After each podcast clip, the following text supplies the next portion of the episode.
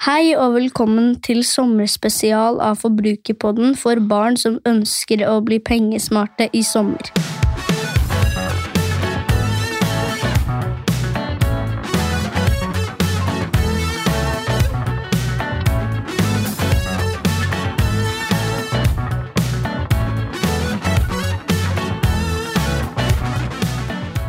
Hei, Vir!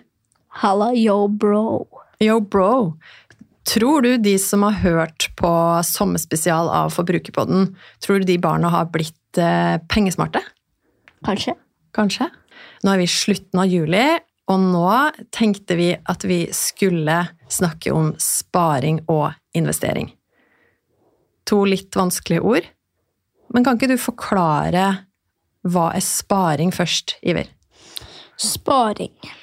Da, sparing det er jo når du ikke bruker alt med en gang, men heller sparer til noe større. Sparing det handler ofte om at vi ikke bruker pengene akkurat nå, men vi bruker det litt seinere, når vi har spart opp til noe som vi ønsker oss. Veldig bra. Men hva er investering, Iver?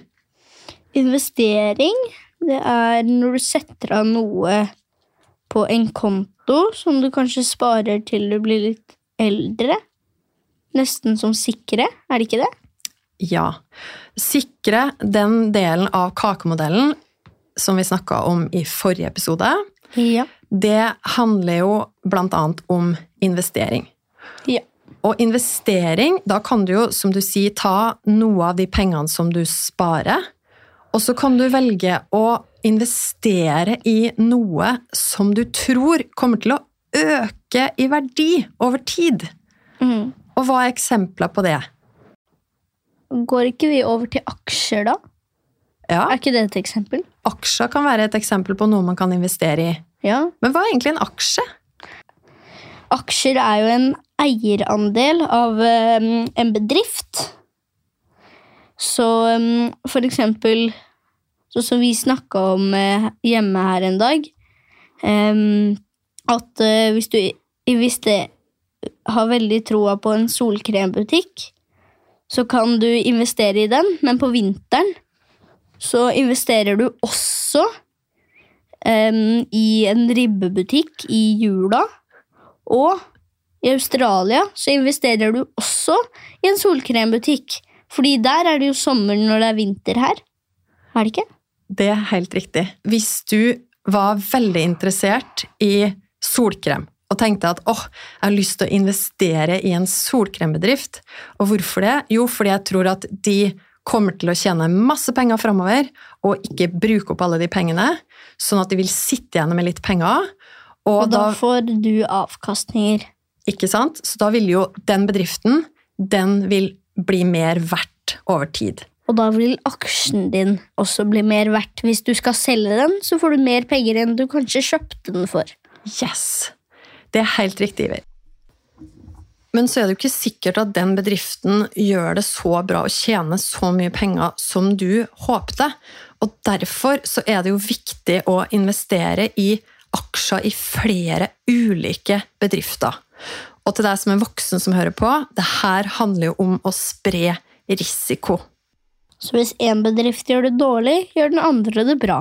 Hvis du putter de pengene inn i de bedriftene, i det aksjefondet, så må du vente veldig, veldig, veldig, veldig, veldig mange år. I hvert fall fem eller ti år, eller kanskje mer.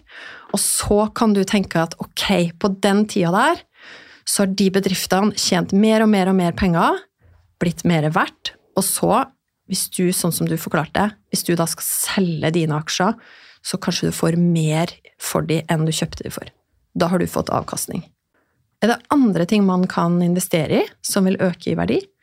Fotballklubber. Men det er ikke alle fotballklubber. Ja, for Men man her kan investere i eh, Dortmund, Juventus og Manchester United, eksempel. Ja, for Du spurte meg Iver, da vi gjorde litt research før denne her episoden, kan man egentlig investere i fotballag. Og svaret er ja. Men det er kanskje ikke sånn at det er det du vil tjene aller mest penger på. Kanskje er det mer fordi at du syns det er gøy å følge med på fotball. Veit du, Iver, hvem som er den dyreste fotballspilleren som noen gang har blitt solgt til en annen klubb I verden. i verden? Ja, det var Neymar.